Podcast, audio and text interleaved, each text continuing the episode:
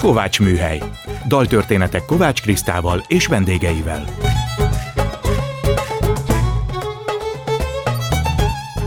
Jó estét kívánok, Kovács Kriszta vagyok, ez itt a Kovács Műhely. Gombhoz a kabátot, daltörténetek másként. Most mindig a vendégemet kérem meg, hogy válasszon olyan kedvenc dalt vagy zenét, amiből a beszélgetésünk elindulhat. A mai indító dalt Farkas Dorka választotta. Következik a Dével című dal a Romani Együttes előadásában.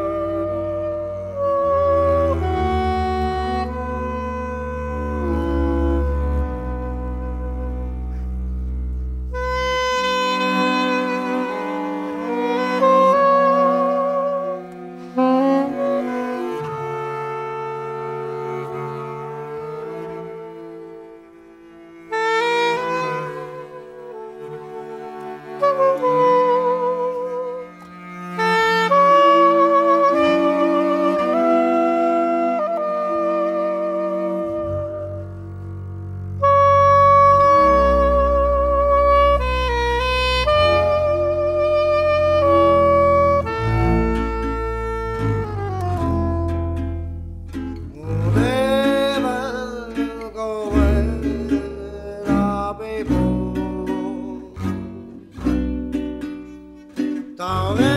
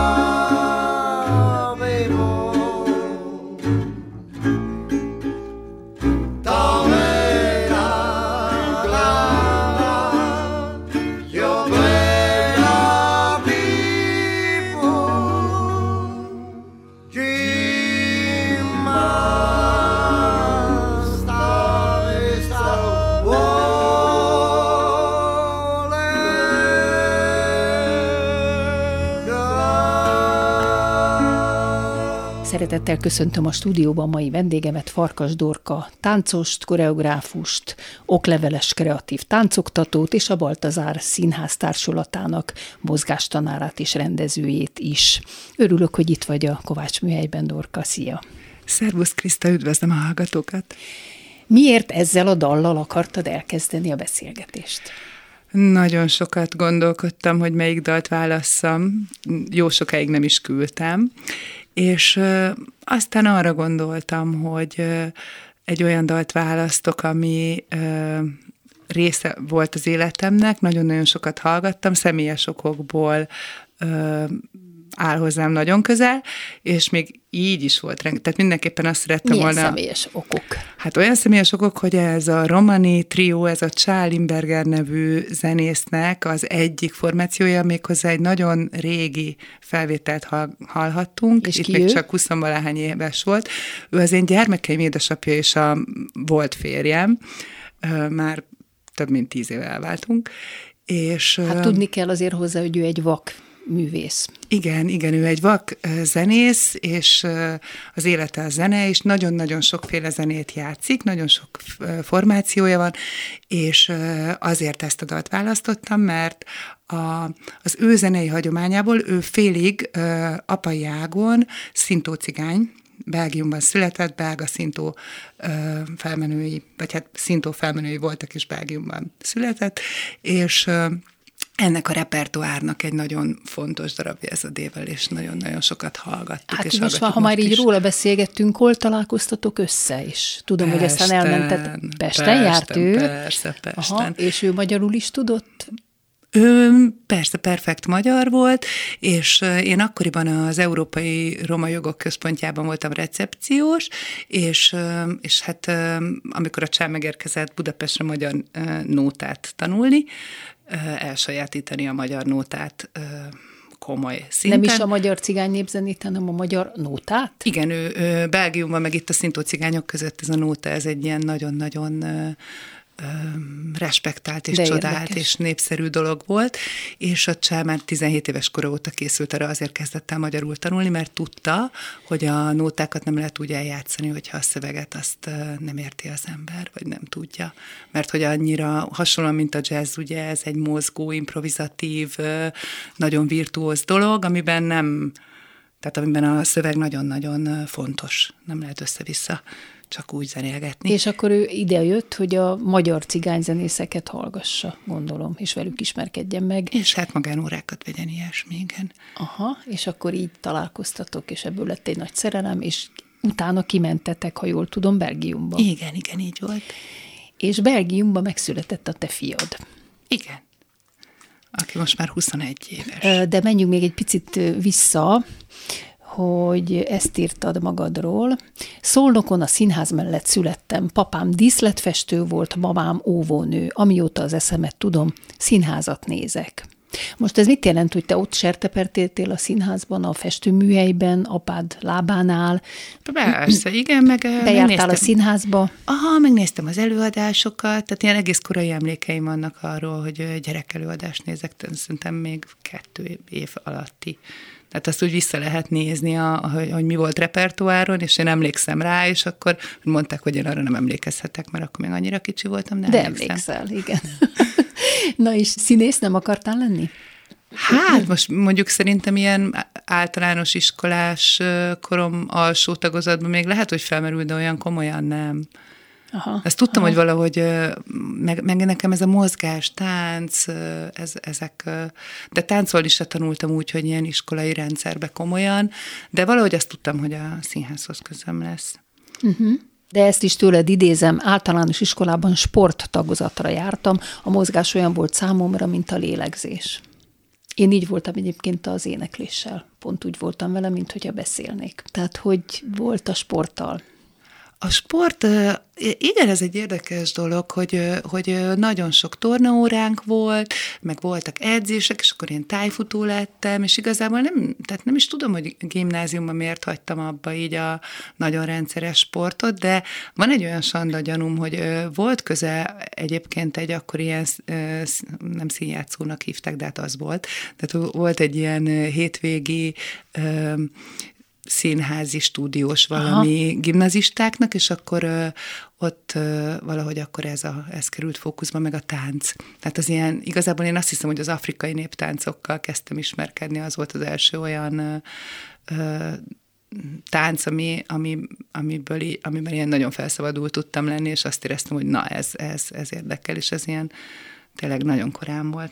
Az, hogy elkezdtél foglalkozni vak gyerekekkel, fogyatékosokkal, lehet, hogy az indítatás azért is volt, mert nyilván a vak férjed mellett megtanultál a vak emberekkel bánni. Ezért kezdted el ezt a fajta Gyerekekkel én annyira, én gyerekekkel annyira nem dolgozom, Fia, hát fiatal, fiatal hát nem annyira gyerekekkel, igen, igen. Érdekes ez egyébként, a nem látókhoz, a vakokhoz mindig volt egy, valahogy volt egy ilyen közelségérzésem mindig nagyon. Egyébként most, most hogy így ezt szóba hozod, az jut eszembe, hogy ez is ilyen, szerintem a középiskolás éveim alatt volt, hogy egyszer volt a Müller Péter Sziáminak egy koncertje, ahol voltak vakfellépők, vagy legalábbis egy valaki, és emlékszem, hogy a, azon a helyen, ahol volt a koncert, állt néhány vak ember a fellépő körül, vak, vak baráta, ismerősé, nem tudom, kik lehettek, és négyen-öten álltak, és beszélgettek. Uh-huh. És az a, mód, ahogy ők kapcsolódtak, az a mód, ahogy így közel álltak egymáshoz, nyilván a gesztusok nem úgy voltak jelen, de az a fajta jelenlét, ahogy ők kommunikáltak, én arra már nagyon, tehát emlékszem konkrétan erre a képre, hogy, hogy annak volt valami nagyon otthonos érzése, vagy volt valami olyan, hogy, hogy igen, itt van valami nagyon ilyen autentikus, nincs ott az, hogy hogyan viselkedünk, hogy hogyan látjuk egymást, hogy, hogy hogyan, mit mutatunk, hanem csak úgy vagyunk. És persze a hangon keresztül, meg a, a beszéden keresztül ott, ott nyilván van egyfajta tudatosság meg kontroll, de hogy a, a gesztusokban, meg a, így a vizuális dolgokban ugye nincs. De hát gondolom azt, hogy a férjeddel évekig éltetek együtt, akkor ott, ott közelről is láttad, hogy egy vakember hogy működik. És hogyan... Igen, de nagyon nagyok a különbségek, szóval ez megint olyan, Igen? hogy Persze. Tehát ez megint olyan, hogy, hogy azt képzelik a látók, hogy akkor a vakok e- ugyanolyanok, mert vakok, vagy hogy, de Aha. hogy, hogy nagyon, nem, nem, tehát hogy nekem nagyon sokszor volt később ebből, nem azt, hogy nehézségem, de hogy így újra kellett tanulni, tehát a, a csá, ő nagyon orientált, ő nagyon jól mozog, ő nagyon határozott, ő nagyon, hát most eleve eljött egy szál bottal egy másik országba, egy másik városba, tehát valószínűleg mm tehát ő tényleg nagyon gyorsan rögzít útvonalakat, nagyon arra hagyatkozik, hogy hallja, hogy mi merre van, és, és mondjuk sokkal gyorsabb gyalogos tempója van, mint nekem. Tehát, hogy, és akkor volt olyan, hogy mondjuk egyszer egy ismeretlen vakembernek segítettem, és így éreztem, hogy így, húz vissza, hogy nem ez a tempó, tehát, hogy így, így nem lehet vele megeredni, vagy egy másik ember, és mások az igényei, és más, ő másmilyen. Uh-huh. Kedves Dorka, te azért mégiscsak kortárs táncos vagy, tehát kortárs mozgással foglalkozol. Most szeretném, hogyha eligazítanál engem és a hallgatókat bizonyos szakkifejezésekben, amikkel te foglalkozol. Tehát mi az az inkluzív és közösségi tánc? Jó, tehát, hogy ez, ez, a, ez a kortárs, ez ilyen jó nagy bugyor lehet, és akkor azért teszem magam ide, mert valóban én kortárs megközelítéssel képeztem magam. Én nem jártam iskolába hagyományos rendszerben, viszont nem is tudom, tényleg gyakorlatilag gimnazista koromtól 30 éves koromig rendszeresen workshopokra jártam különböző stílusokban, szomatikus technikákat tanultam.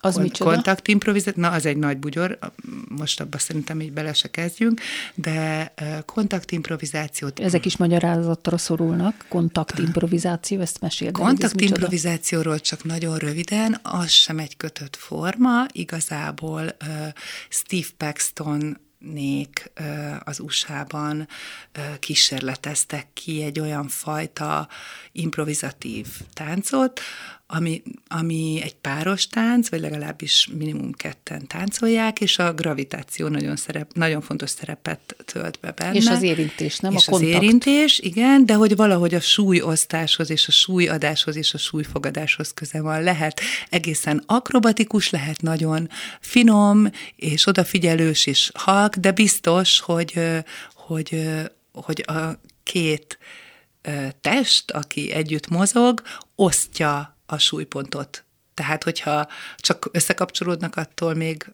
akkor ott ez még nem kontaktimpro.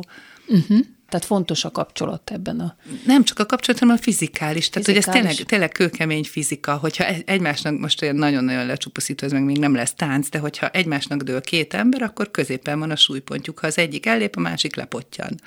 Tehát olyan dolgok válnak lehetővé, amik egyedül nem. És mivel a két ember folyamatosan kommunikál, már mint mozgásban, ezért ez a, ez a közös tánc, ez megtalálja mindig a maga útját. Persze lehet, sőt, hasznos is mindenféle technikákat. Tehát, hogy ezt így lehet tanulni, vannak rávezető gyakorlatok, vannak órák, nagyon ö, jól lehet benne képződni, de, de valójában elsősorban az odafigyelésről szól. Ez itt a Kovács műhely vendégem, Farkas Dorka. Mi az a jelen idejű kompozíció? Hát, hát most mondhatjuk azt is, hogy improvizáció, de amikor azt mondom, hogy jelen idejű kompozíció, akkor én arra gondolok, hogy hogy már van benne egyfajta tudatosság, vagy legalábbis egy olyan figyelem, hogy ott a pillanatban megkomponálod. Uh-huh. De az előbb az inkluzívra nem válaszoltam. Na, légy szíves. Mit, mi, mi volt a másik közösségi tánc? A közösségi, meg, a, meg a közösségi művészet, meg, a, meg az inkluzió. Szóval, hogy engem az érdekel most már egy jó tíz éve, hogy, hogy hogyan tudunk úgy közösen alkotni, mindenféle, tehát egyszerűen nagyon-nagyon különféle emberek. Én elsősorban a fogyatékos emberekkel kerültem munkakapcsolatba, elsősorban arra vitt az érdeklődésem. A Baltazár értelmi akadályozott művészei később jöttek az életemben, meg a művészeti központos fiatalok. Én a vakságon keresztül kerültem fogyatékossággal érintett emberekkel ilyen táncos helyzetekbe, de a, a vakság után a mozgássérültség, aztán később az autizmus is megjelent így a palettán, szóval, hogy az inkluzió az azt jelenti, hogy egyfajta befogadó és közös tér, amiben nem az az érdekes, hogy ki miben jó, vagy ki mit tud megcsinálni, vagy ki mit nem tud megcsinálni, hanem egy olyan közeget tudunk létrehozni, egy olyan elfogadó és biztonságos közeget, amiben a, az köt minket össze, és abban tudunk kapcsolódni, amiben osztozunk, amiben mindannyian, aminek mindannyian a részesei vagyunk. Hát ez most így nem annyira volt a legtutibb definíció, de talán hogy fogadják ezt a fogyatékos emberek? Mennyire kapcsolódnak rá erre a fajta mozgásra és együttlétre? Igen, igazából, hogyha még egyszerűbben most egy kicsit visszacsatolok, vagy visszakanyarodok, hogyha még egyszerűbben akarok fogalmazni, akkor ha a fogyatékosok oldaláról nézzük, akkor arra mondhatjuk például azt, hogy egy inkluzív csoport, vagy egy inkluzív helyzet, ahol nem csak fogyatékosok vannak, hanem, hanem úgynevezett épek, tehát a többségi társadalom és akkor együtt. is, és akkor együtt. Uh-huh. Szerintem itt nem is az az érdekes, hogy bármilyen fogyaték, tehát az én meglátásom szerint ez egy spektrum teljes mértékben, tehát hogy szétválasztani azt, hogy ki számít már fogyatékosnak, nyilván vannak látható fogyatékosságok, vagy nagyon egyértelmű élethelyzetek, de, de így, így behúzni egy határvonalat, hogy na, ti vagytok a normálisak, ti meg a fogyatékosok, azt szerintem azért egy elég bátor és merész vállalás. Tehát szerintem ez, ez is csak egy nézőpont kérdése, hogy tulajdonképpen egy világban élünk, vagyunk ilyenek, vagyunk olyanak, vagyunk sokfélék, aztán aztán szerintem Együtt ez mindenki... működni, igen. Hát igen, meg hogy szerintem ez mindenkinek egyformán felemelő és felszabadító, amikor így kiderül az, hogy bárkiről, bár most itt tényleg kitágítva a dolgot, nem a fogyatékos emberekre, hanem bármire, hogy az öreg az nem különbözik annyira egy gyerektől, vagy, vagy egy, nem tudom, egy nő nem különbözik annyira egy férfitől, vagy, tehát hogy, hogy lehet nézni a különbségeket, és De lehet a nézni közös a, pontokat a közös érdemes, pontokat igen. Is. És azért ez a táncban, a mozgásos helyzetekben ez, ez nagyon másképp tud megtörténni szerintem, néha könnyebben, vagy természetesebben, vagy más szinten, mint például verbális helyzetekben, beszélgetések során. Nagyon sok mindenkitől tanultál, de azt is mondtad, hogy legfontosabb tanítóm viszont saját gerincbetegségem volt. Mi volt ez a gerincbetegség, kedves Dorka? Hát ez egy porckorongsér volt, ami már... Hány éves korodban? Szerint nem is tudom, de szerintem ilyen 15-16 éves koromban már, már bőven volt, csak még nem volt diagnosztizálva, és hát ilyen 21 nehány éves koromban műtöttek, addig, addig végig kínlottam vele. Nem, nem nagyon mm, az, azok az orvosok, akikkel akkor találkoztam, úgy gondolták, hogy nem szenvedek annyira. De szenvedtél. Hát de szenvedtem, de nem kiabáltam hangosan, meg úgy én ezzel éltem az életemet, elfogadtam, hogy ilyen, táncoltam, igaz, hogy jogáztam, igaz, hogy nem tudtam előre hajolni mondjuk 5 centinél többet, de nekem is megnyugtató volt az a mm, mondás, hogy, hogy hát nem, nem, inkább nem ütsük, inkább hát, ha nem is tudom egyébként mire gondoltak, hogy kinövöm, vagy mi lesz, de Egyébként ez jelen idejű is, tehát hogy most ezt, amikor éppen írtam ezelőtt pár évvel, akkoriban egész jól voltam, de most, most megint oda kell figyelni, mert megint így azért jelez a gerincem, hogy óvatosan. Hát akkor óvatosan. Igen. Azt is írod, hosszú évek tanítottak figyelemre, türelemre, a test és a lélek kapcsolatára a jelen pillanat elfogadására és arra, hogy testünk bölcs, csak meg kell értenünk a nyelvét. Hát gondolom a gerinc fájdalommal azért azt nagyon meg kell érteni, ezt a nyelvet. Persze, de szerintem minden korlátozott helyzetben ezt megint egy kicsit kitágítva, hogy, hogy a bármilyen limitek vagy korlátok, azokat lehet ellenségként megélni, vagy hát szoktuk is, de, de hogyha el, nem azt mondom, hogy, hogy ne próbáljunk bármiből meggyógyulni, vagy jobban lenni, de hogyha megpróbáljuk meg, megérteni azt, hogy már pedig ami most van, az van, és azon belül mozgolódunk, akkor, akkor meg lehet azért érteni sok mindent abból, hogy, hogy egy korlátozott helyzet sem feltétlen rossz. Uh-huh. A tankapuja buddhista főiskolán tanultál joga oktatást, és közben az Arvisura színháznál voltál stúdiós. Most innen milyen emlékeid és tapasztalataid vannak? Hát távoliak, távoliak azért ez nagyon-nagyon régen volt. Nagyon-nagyon régen volt. De az uh, is egy meghatározó közeg, mind a kettő, gondolom. Uh-huh.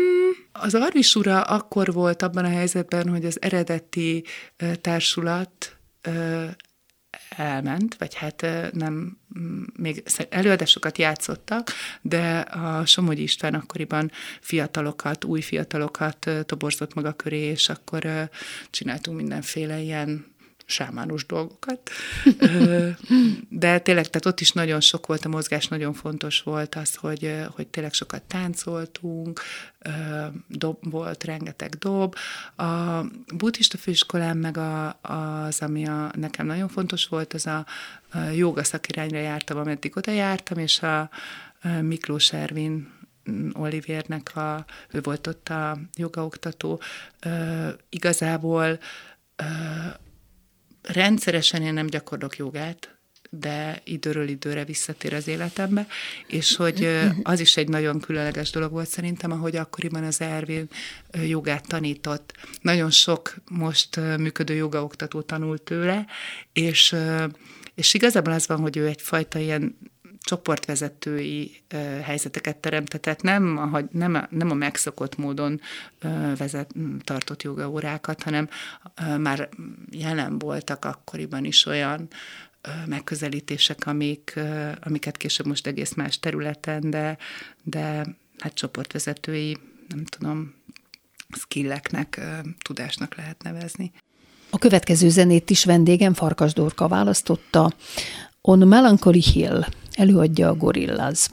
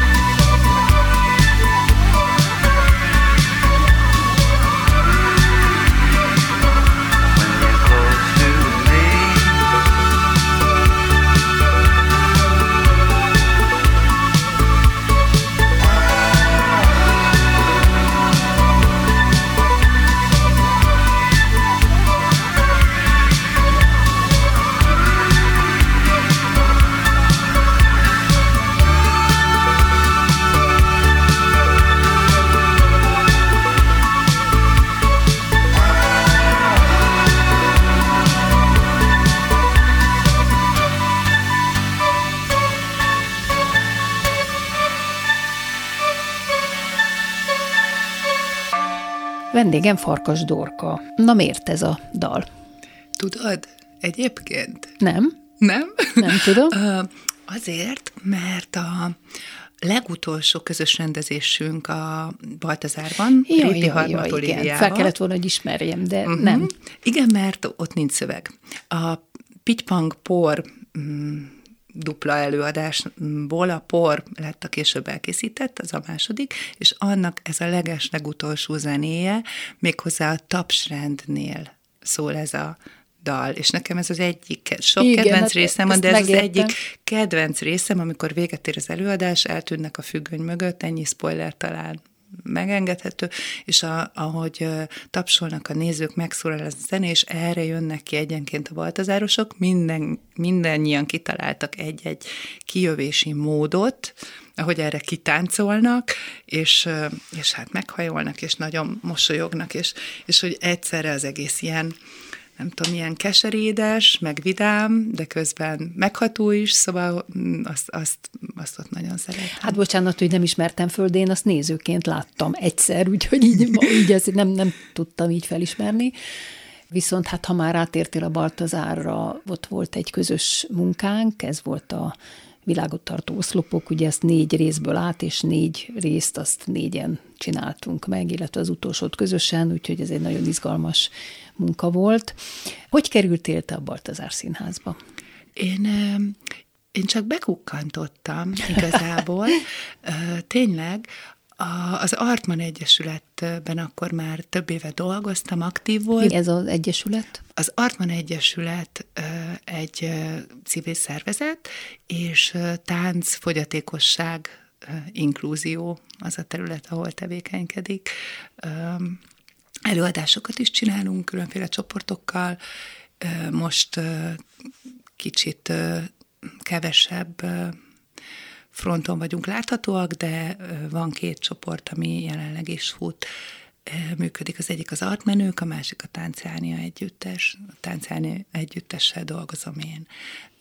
A Tánciániában mozgássérült és nem mozgássérült táncosok, illetve hát most már egyre kevesebben vagyunk, de van egy vaktáncosunk is, a Barkó Tomi, és két mozgássérült táncosunk, illetve hárman vagyunk még, akik táncolunk az együttesben, mi vagyunk a csoportvezetők is. Tehát meg is csináljátok az előadást, kitaláljátok, vagy együtt létrehozzátok, és ti is fölléptek benne, igen, és közösen igen, táncoltok. Igen, és ez most egy ilyen egyre, egyre szűkülő, egyre, tehát hogy tényleg egy ilyen nagyon régóta együtt dolgozó, nagyon összeszokott, összehangolt társaság.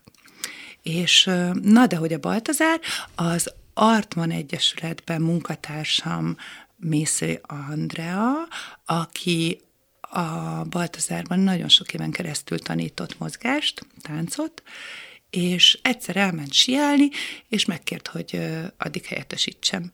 És, és akkor egyszer csak beállítottál oda. És beállítottam oda, de mondom, akkor még én egyáltalán nem. Tehát, hogy értem akadályozottakkal sose dolgoztam. Már ugye nagyon sokféle fogyatékossággal élő emberrel, meg inkluzív helyzetekben voltam, de hogy így kifejezetten, hogy... Daunosokkal nem? Nem, nem, nem, nem, nem, egyáltalán semmi. És, és hát nagyon, nagy, annyira emlékszem, hogy ilyen nagyon meghatározó élmény volt, és nagyon, nagyon hatott rám, és, és nagyon nagy kihívás is volt, meg nagyon a szívemhez szólt, fantasztikus volt egyébként, és, és azonnal oda tapadtam. És itt a, ragadtál, igaz? A, teljesen, teljesen. Szerencsére az Elegdóra rögtön, lehet, hogy a srácok voltak lelkesek, vagy nem tudom miért, de rögtön beduplázta a, a táncórákat a Dóra, hogy akkor tartson az Andi is, meg én is, és, és, és akkor onnantól kezdve azóta és dolgozom velük. Én, én maradtam. Nagyon fontos részét képezi az életemnek a baltazáros munka.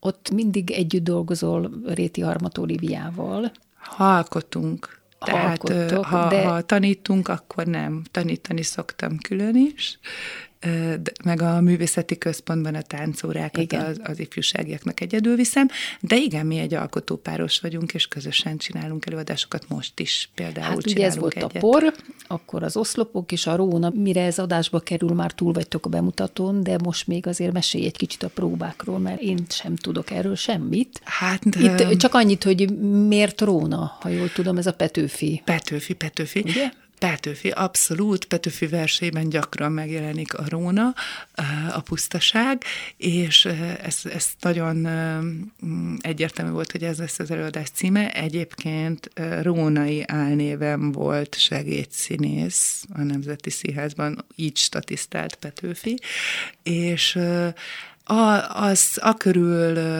kutakodunk, ez is egy mozgásos előadás lesz versekkel. Hát gondoltam, igen. Versekkel, elhangoznak benne Petőfi versek, illetve Vörös István átiratok. Egy picit a, a, az érdekel minket, hogy milyen volt ez a pályaválasztó Petőfi, milyen volt Petőfi, mielőtt még Petőfi lett a híres költő. Nagyon-nagyon szeretett volna színész lenni, ez volt neki a szabadság, a minden álma, ő biztos volt benne, szeretett volna sok pénzt keresni, és híres lenni, és egy hát elismert színész lenni. is, csak nem igen, színészként. Máshogy, igen. máshogy, és, és e, e, ezt nézegetjük meg, rész, de úgy, hogy ami minket valójában érdekel az az, hogy egy picit reflektálunk a színészeinkre. Ez egy kamaradarab, öten játszák, és így mozogni fog az, hogy a szereplők éppen önmaguk, már úgy önmaguk, hogy az, azt a színészt alakítják, akik ők, igen, igen. mert ugye ők is színészek, vagy pedig éppen valamilyen karakterben vannak, és ez ilyen, ez nem fog élesen elválni. Milyen zenét használtok ehhez? A Szirtes Edina Mókus zenéjét fogjuk használni. Az egyik egy, hát ilyen, mi úgy hívjuk, hogy rap, kicsit reppes verzióban fogja Erdős Balázs, most a napokba fogjuk fölvenni, elénekelni a búcsú a színészettől, vagy hát Ezek elmondani. új dalok? Új, a búcsú a színészettől, igen, abszolút új lesz, mert hogy a búcsú a színészettől az a vers, az a Petőfi vers, ami végül is így a kulcsa ennek a, ennek a darabnak, és és mi ezt úgy gondoltuk, hogy, hogy ez a Balázs hangján szólaljon meg. De Balázs aki... nincs benne a produkcióban. Nincs, ez, ez, is, ez is van, hogy ugye a Balázs az egyik kedvenc színészem, a sok közül, a Baltazárból, de a Balázs most már új produkciókban nincs benne, a régi darabokban játszik, Azt az játsza, egy igen. kivétele az oszlopokban, ugye, amit átvett igen. a drága Fetszunk halála után, fantasztikusan átvett szerep de hogy nincs benne, hanem a hangja lesz benne. És, igen, a, és a, mégis lesz jelen lesz, igen. Mégis abszolút jelen lesz, és akkor még ezen kívül lesz instrumentális zene is, és azt is a Mókus csinálja. Ez itt a Kovács Műhely Farkas Dorkával beszélgetünk. Mennyire látod a munkánk, a ti munkátok, az én munkám, a Dóra munkájának az eredményét a színészeinken és a közönségen is, hiszen nagyon sok olyan előadás van, hogy utána van a középiskolásokkal, mert főleg nekik játszunk, hát kivéve a gyerekelőadásokat, vagy a teljesen felnőtt előadásokat, de a felnőtt előadásaink is úgy gondolom, hogy ifjúsági közönségtől fölfele szólnak. Te hogy látod, hogy milyen hatása van ez akár a színészeinkre és akár a nézőkre is? Hát nagyon nagy hatással van. Én, én szeretem nagyon ezeket a nevelési programokat, nagyon szeretek egyébként tinédzserekkel dolgozni, meg, meg gyerekekkel, ilyen módon tudok mostanában külön csoporton, vagy nincs velük, de hát azt látom, hogy tulajdonképpen az, amiről én itt az előbb makogtam, hogy milyen élmény volt nekem találkozni a baltazárosokkal, és milyen élmény volt, milyen hihetetlenül szívet nyitogató volt velük megismerkedni, és megtalálni, megtanulni azt a módot, hogy hogyan tudunk mi együtt alkotni, mit tudok nekik tanítani, én mit tudok tőlük tanulni. Ugyanez igazából lemegy egy előadás alatt, alatt is egy olyan helyzetben, hogy a nézőnek ráadásul ott még az elején nem is kell aktivizálni magát, mert befogadói helyzetben van, és, és csak látja a csodát. De hát vagy, vagy az előítéleteit kell legyőzni, hiszen sok, sok néző vel találkoztam én is, aki vagy meg kell egy győzni, hogy jöjjön el, mert tényleg élmény Szerintem az a legfontosabb. Van, hogy nem szeretik nézni. Hát igen, meg, az, meg nem is könnyű. Hát mi egy olyan, már bocsánat, de mi egy olyan társadalomban élünk, ahol eldugdossuk a fogyatékosokat, most már egyre kevésbé, de én emlékszem arra, amikor, mit tudom én, azért 20 valahány évesen várandós voltam, és Belgiumba felszálltam valami vittorlás hajóra, mert oda ki volt állítva, és egy ilyen 20-30 fős downos csapat megjelent, és nem, tehát egyszerűen nem értettem a helyzetet, hogy ők hogy vannak ennyien, vagy honnan Igen? jöttek, vagy mi van. És közben meg hát honnan jöttek volna? Hát jöttek, és kész. Szóval ö, ez, ja, neked ez, furcsa volt Meg akkor. az, amit nem is, igen, hogy amit nem ismerünk, azok az emberek, akiket nem ismerünk, bármilyen csoporthoz tartozzanak, ott mindig van egy tartás, egy félelem, egy előítélet. No, de azért a Baltazárban nagyon sokszor szerintem a, a középiskolásokkal beszélgetve derül ki ez nagyon gyakran, hogy ők azért még nagyon nyitottak, tehát akkor is, hogyha nem mondják, vagy nem, tehát de azért, azért nagyon sokszor érkeznek nem is kemény előítéletekkel, de valahogy úgy, hogy nem, most ez itt mi egyetem, mi, mi kell ez, nekem igen, jönni, igen. fogyatékosokat igen. nézni. És utána És meg közben meg, a, meg amikor ez van, ez a ráismerés, hogy, hogy nem ahhoz képest értékel, hanem, hanem tényleg, ha egy előadás működik, akkor, akkor az hat rád, akkor, akkor elhiszed a történetet, akkor bevonódsz, és, és, és aztán utána van egy olyan, hogy hoppá, jó, de ezt most így ők csináltak. Egyébként szerintem ez Ugyanígy meg tud történni akkor, hogyha egy jó, uh, mi ez, diákszínjátszó előadást látunk, ott is az, nem azt nézed egy időt, hogy ó, ahhoz képest egész ügyes, hanem elfelejtett, hogy ő nem színész, hanem, hanem vissza, visszavarázslat. De nagyon fontos szerintem ez a misszió. Tehát én azt tapasztalom egyébként, Kriszta, nem tudom, hogy te hogy vagy ezzel, de hogy amikor mondom embereknek, hogy a Baltazárba dolgozom, vidéken is, bárhol, tudnak rólunk, nagyon sokan mondják, hogy hát tudják, hogy mi a Baltazár, de ha megkérdezem, hogy volt-e már a színházban, sokkal kevesebben vannak. És Igen, hallottak ez róla, lépés, tisztelik ezt a munkát, de ne, nehezen jönnek el. Igen. Kivéve azokat, akik már egyszer eljöttek, Azok akik meg, meg eljönnek, akkor utána visszajárnak. Úgyhogy és meg szerintem akarják nézni a következő előadásokat. Nagyon, nagyon helyesen, és szerintem érdemes először is elmenni. Na most beszéljünk egy kicsit, nem, nem is kicsit, a arról a meghatározó élményedről, hogy végig kellett nézzed, amit 2020-ban leég a családi házatok.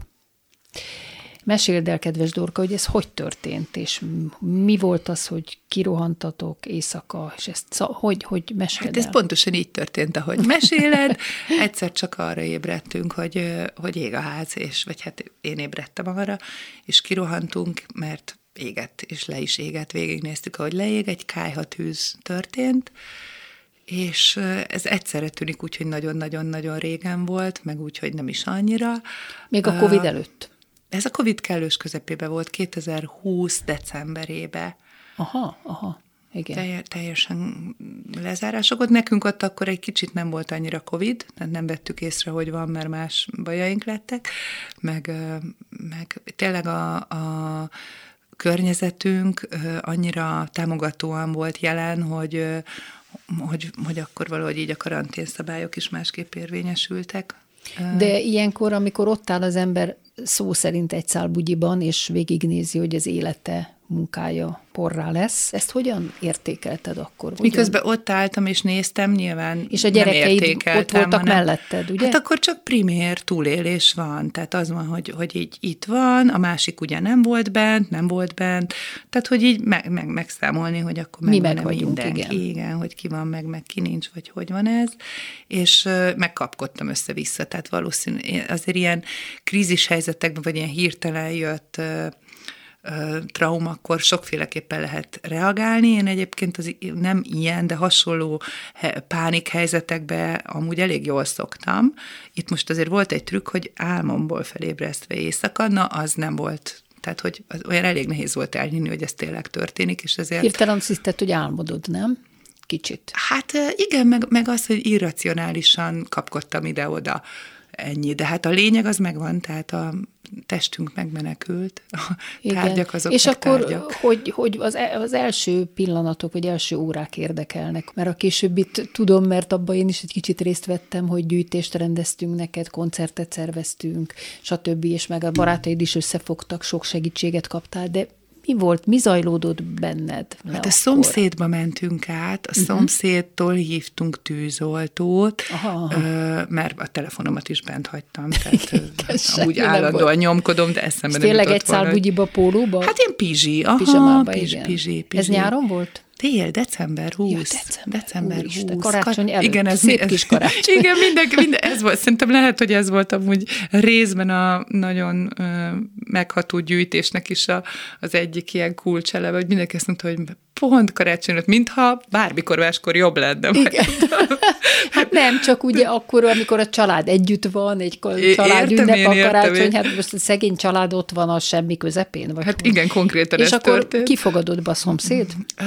Úgy volt, hogy akkor jött, jöttek a tűzoltók is egyszer csak, meg jött a mentő, és akkor ott megvizsgáltak, akkor nem mentem be a kórházba, mert úgy gondoltam, hogy nem annyira égtem meg, akkor hát nem is éreztem egyébként, tehát akár megéghettem volna háromszor annyira is szerintem, akkor és a nem tűnt volna föl, ő, ő jól volt. Nem lett sokkos állapotban? Nem került? Hát nem, nem ő sem ment kórházba, ott együtt. Inkább az volt bennem, hogy én akarok visszamenni hozzá, tehát én most nem akarok egy kórházba menni, majd lesz valami ezekkel az égési sérülésekkel, és arra is kaptam segítséget egy szülőtárs orvos orvosnő kezelt, és az volt, hogy hajnalban szintén egy Waldorf-iskolás szülőtárs, azóta jó barátom, ők nemrég költöztek, tehát tényleg még ez dobozokban volt voltak. Solymáron, ugye? Ők Solymáron laknak, ez a ház, ez Vörösváron volt, és ő hívott fel, hogy hát de gyertek ide, de akkor én már leszervezgettem valami kis lakást egy barátomtól, hogy akkor majd oda megyünk, ami ilyen közös használatú üres valami, de a Szen olyan természetesen mondta, hogy gyertek ide, hogy mondtam, hogy jó, tehát nem, nem annyira voltam abban az állapotban, mert én itt kézbe tartom az eseményeket, úgyhogy ahonnan jött a segítség, segítség abba az irányba mozdultunk, és, és akkor ott, ott volt pár nap. tudtál ott lenni? Pár napig ott voltunk, és akkor megint egy szülőtárs, meg addigra felajánlott egy házat, ami éppen átalakítás előtt volt, és akkor ott meg egy, nem is tudom, egy hónapig tudtunk lenni valahogy így, egy vagy két hónapig Na Ez most ott álltál egy telken, amiben van egy leégett ház. Hát akkor a romokat el kell takarítani, Jaj, nem? borzalmas, Vagy hogy persze. kezdtél hozzá? Honnan tudtad, hogy mit kell csinálni? Voltak ebben is Igen, segítőtársaid? ott, ott jöttek felajánlások a Pilisvörösvári ö, emberek közül nagyon sokan, tehát ö, jöttek, többen felajánlották, hogy miben segítenek. Tényleg elképesztő volt az az összefogás, és, és így ö, úgy valami rémlik, tehát nekem azért ezek a napok ott homályosak. Tehát azt tudom, hogy egy pici része maradt meg, ez egy könnyű szerkezetes ház volt, és az egyik fala megmaradt, úgyhogy az volt egy sürgős dolog, hogy az azt azért bontsuk le, hogy mondjuk ne dőljön el. És hogy az, az ott megtörtént szerintem pár napon belül a tűzeset után, és aztán utána meg ez az ellapátolás, ez már ilyen későbbi történet volt. És most ugyanezen a telken épül az új ház, ugye? Illetve fel is épült. Hát igen. Hát a falak állnak, de most hogy állunk, kedves Hát ebben a figyelj, házzal? Kriszta, én, én úgy gondolom, hogy nem akarok így, most már nincsenek ilyen időpontok, hogy mikor, tehát munkafolyamatok vannak, amik ha befejeződnek, de, de én úgy szeretném, hogyha a születésnapom utáni hétvégén én akkor úgy átköltöznék, ami még nem lesz egy kész állapot, de, de már egy szerintem lakható állapot lesz. Akkor, mikor ez az adás lemegy, de már ben fogsz lakni a házban, kedves Én azt Dorka. gondolom, Remélhetőleg, igen. akkor ez egy nagyon nagy pillanat lesz. Tehát akkor csak kiderül, hogy azért az emberek jók, nem? De persze, persze. Hát ez, Tehát ha ez igazi egy... baj van, akkor a barátok mellé. Figyelj, ez, egy nagyon, ez is egy nagyon sorsfordító, vagy egy nagyon meghatározó élmény, amikor, amikor van egy élményed arról, hogy így neked kell csinálni a dolgokat, meg így persze, meg nyomni kell, meg mizé, és hogy számíthatsz persze a barátaidra, meg a családodra, úgy gondolsz erről valamit, és amikor ki kidőlsz egyszer csak a csatarendből, és azt látod, hogy onnan jön a segítség, ahonnan nem is várnád tehát mindenhonnan, az, az nagyon-nagyon felemelő, és, és hát meghatározó tud lenni. Kedves Dorga, köszönöm, hogy eljöttél és beszélgettél velem. Köszönöm a meghívást, Kriszta. Szia! És köszönöm hallgatóink figyelmét, Pályi Márk és Rózsahegyi Gábor munkatársaim nevében is.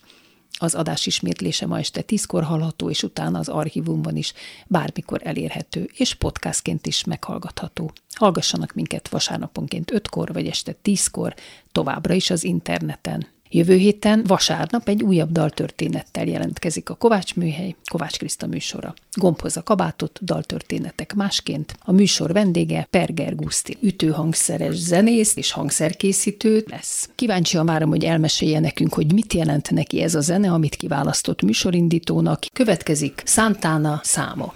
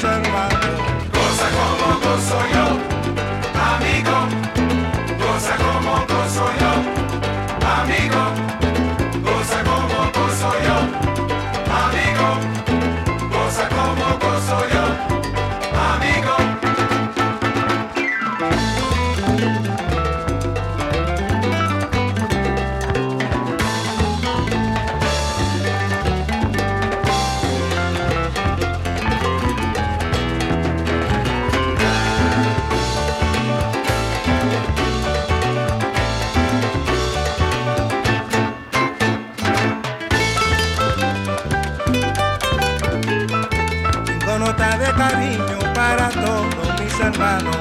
Vengo de tierra lejana con mi guitarra en la mano.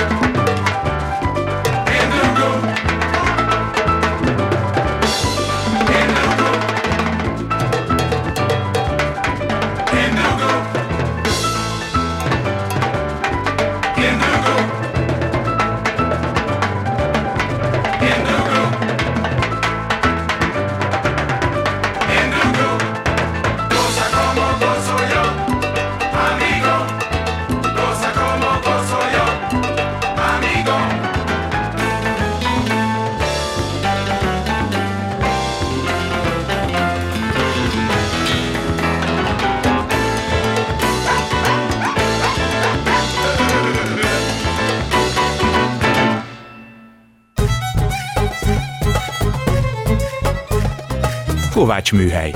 Daltörténetek Kovács Krisztával és vendégeivel.